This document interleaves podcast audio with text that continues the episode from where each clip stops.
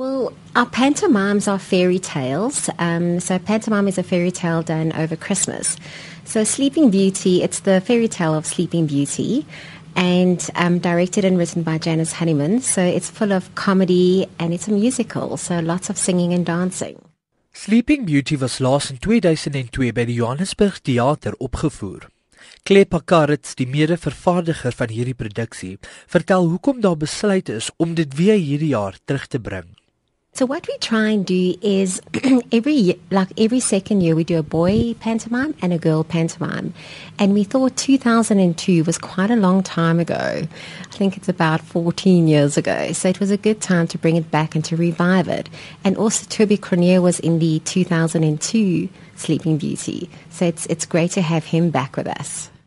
Claire praat oor die veranderinge wat sedert 2002 aan die produksie aangebring is.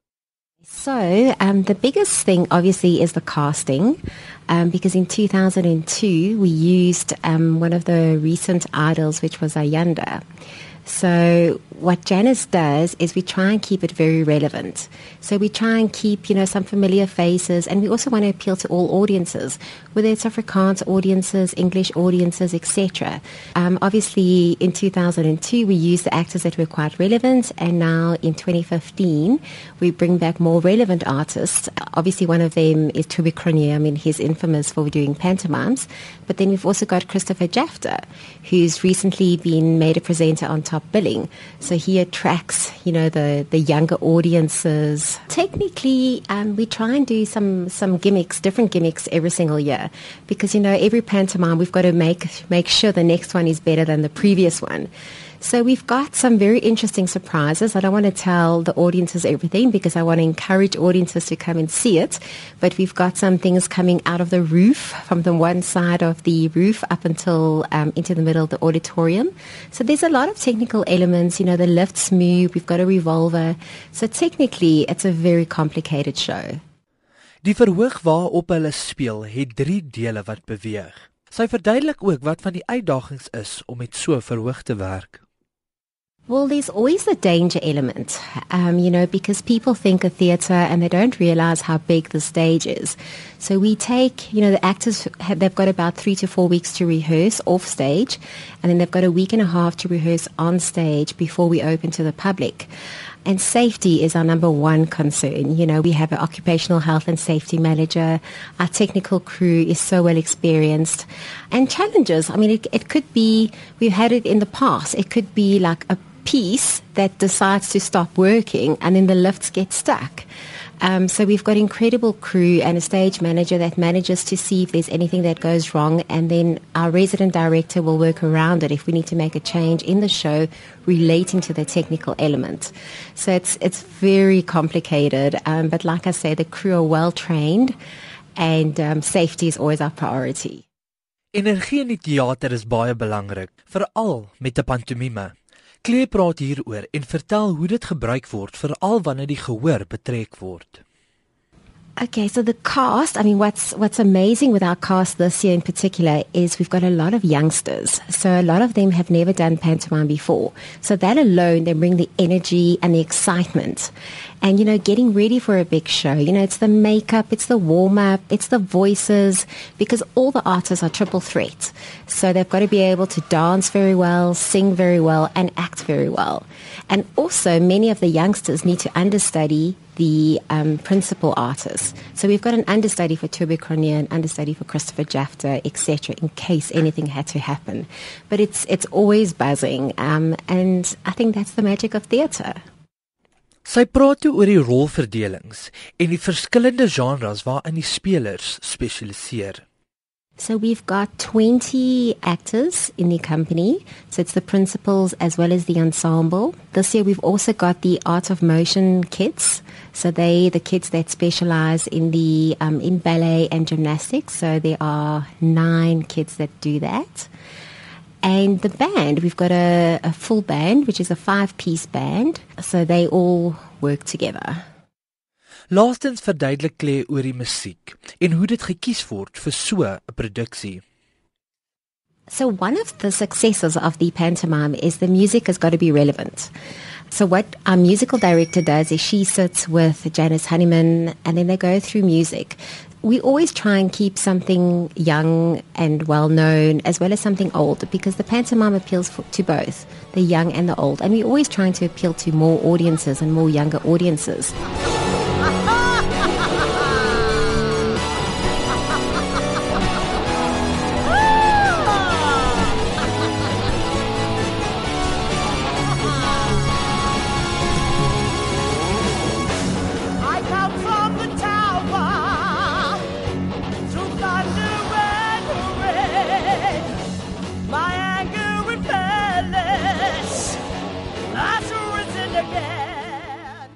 Ek praat met Michelle Botha wat die bose feitjie speel.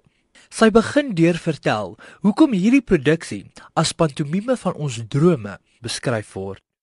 Wel, dis dit gaan basies oor 'n dogtertjie wat dan transform of verander in 'n teenager, in 'n volwassene. So dit is waaroor dit simbolies oor gaan. So dit gaan oor 'n dogtertjie wat droom om eendag weet wat hoe gaan haar man lyk, wie wie gaan sy trou, daai tipiese drome wat wat jong dogtertjies het. En dan gebeur dit wel in hierdie in in die vee verhaal. Sy droom as gevolg van die um slegte heks wat 'n uh, spel op haar gesit het en dan word sy wakker gesien deur haar prins, die man van haar drome. So dit is hoekom dit beskryf word as die die die pantomime van ons drome. Soms word 'n pantomime beskryf as kinderteater. Michelle verduidelik vervolgens wat die teikenmark van hierdie produksie is. So, die teikenmark is baie groot. Van kleuterskool tot by ouma van 80. Daar's soveel goed, daar's soveel variasie in. Wat ehm um, goed wat die kinders sal vang, is al ehm um, groot mense vang goed wat die en en vir die kleintjies is daar dis 'n fairy tale, so daar dis absoluut op hulle gemik. Maar daar is regtig vir die ouer gardes ook baie baie goed. Selfs die musiek is so gevarieer dat daar van nou hedendaagse musiek is tot rock and roll goed. So dit is 'n heerlike variety wat in die in die in die pantomime is. Michelle vertel hoe dit is om op 'n verhoog op te tree met so baie verskillende kunstenaars. Die ballerinaatjies is ook, hulle is fantasties, hulle is verskriklik professioneel op so jong ouderdom om te doen wat hulle doen. Die deursettingsvermoë, die fokus en konsentrasie is unbelievable om te sien. Mens jy staan humbled um, om dit te kan sien. Ek kan my hoed af vir hulle want hulle is daar's hulle van uh, ouderdom is van 8 dink ek tot 19 is die verskillende ouderdomme. So dis fantasties en dan is dit Tim Molloy ook. Hy pas net in. Almal mense raak soos familie. Jy pas dit in jy werk saam en ons maak 'n lekker konsert vir die mense.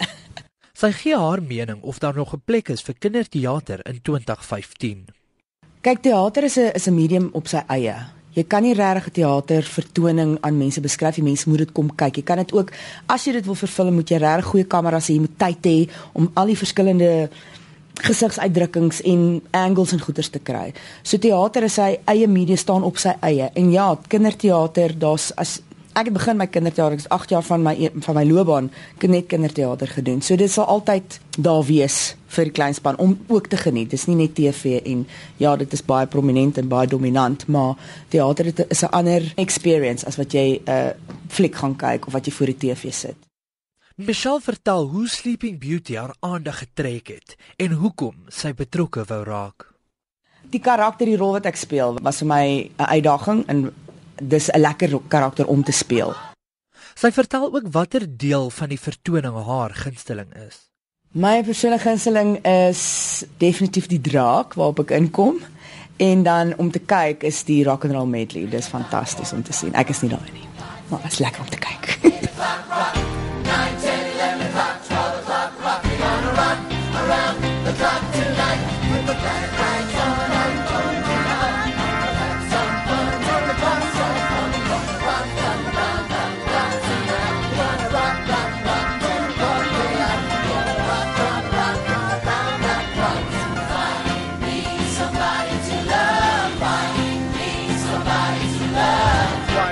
money. Two for the show. Three to get ready. Now go get going. Step on my Die rol van prinses Aurora Adora is gespeel deur Nicole Fortuin. En ek hoor by haar wat van die uitdagings is wat sy ervaar het as deel van Sleeping Beauty. Ek het eintlik baie uitdagings aanvaar toe ek hier so begin het. Um dis my eerste panto. Ek het nog nooit 'n uh, musical gedoen nie. So uh, was verskriklik bang om te sing. dit was my my grootste vrees, maar ek moes net vir lesse gaan en nou sing ek alleen elke dag. so dit dit was een van die groot uitdagings om om te sing. Ek het nog nooit gedink of verwag dat so iets met my sou gebeur nie. En net so, so vroeg in my loopbaan. Ek het net um verlede jaar klaar gemaak by UCT en alles het net baie vinnig gebeur en nou sê ek hier en ek werk met mense wat al vir 'n lang tyd sulke gedoen. So it was baie it was a, a lot of mental challenges that I had to overcome more so than than you know physical things. It was getting over my own insecurities and you know finding the confidence to do it. Die karakter van die prins en prinses is baie normaal in vergelyking met die ander. Nicole vertel oor hoekom dit so is en of dit dan makliker is om hierdie karakter te speel. As ek prinses Aurora gespeel het in 'n uh, uh, gewone play sou dit makliker gewees het want almal sou gewone karakters gewees het. Maar met die panto is almal baie baie groot en hulle het die meeste jokes en die meeste gemering en soveel energie. En met prinses Aurora en met prins Harry hulle moet die normale karakters wees. Hulle moet um, relevant wees vir die mense wat dit kom sien. So uh, dit was 'n bietjie moeiliker om om te onthou dat hulle die liefde moet speel en nie altyd die comedy nie. Om 'n prinses te wees is elke meisie se droom Maar in die regte lewe is oorbeskermde ouers en die uitdagings van tiener wees nie so maklik nie. Nicole verduidelik of sy dink dat hierdie storie bydra tot die verhouding tussen tieners en hulle ouers. Ek dink omdat Prinses Aurora 'n tiener is, ehm um, het sy haar eie insecurities in in goed wat sy moet oorkom en dat sy frustreerd is met haar ouers en dat sy uit wil kom en ek dink ouers kan dit sien en kan dit aan hulle kinders ook sien en die kinders sien vir Aurora en hulle dink ja, dis hoe ek ook voel en dan is die bridge tussen die ouers en die kinders net 'n bietjie kleiner of korter. Sy sluit toe af en praat oor watter dele van haarself sy aan haar en ander karakters sien. Ek dink met met die prinses sy wil net uit die huis uitkom. sy wil net haar drome volg en vir my was dit dieselfde. Ek wou so gou as moontlik net doen wat ek nog altyd wil doen en nou doen ek dit. So dis fantasties. Ek dink ook Mimsy, Mimsy speel is is 'n meis karakter in die in die Bento en sy is net baie funky en selfversekerd. So dis ook 'n karakter eienskap wat ek van hou of of in myself wow. ook sien. Who are you? Is this Sunday? Someday what? Oh, Sunday my prince will come. Fabo Flora Dora promised me. Am I still dreaming? Pinch me to see if I'm awake. My sweet Princess Aurora, you're not dreaming. Welcome back to real life. Hey, cool, Prince Harry. At last, my favorite dream has come true.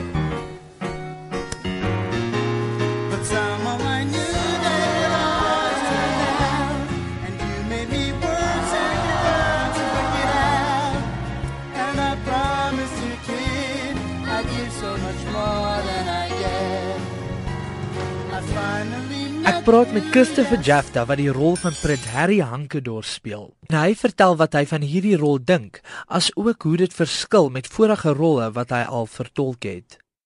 Die rol van Harry Hankedor is uh is 'n romantiese rol uh of rol. Um it's not as comedic or as uh, mischievous as a lot of my other roles have been.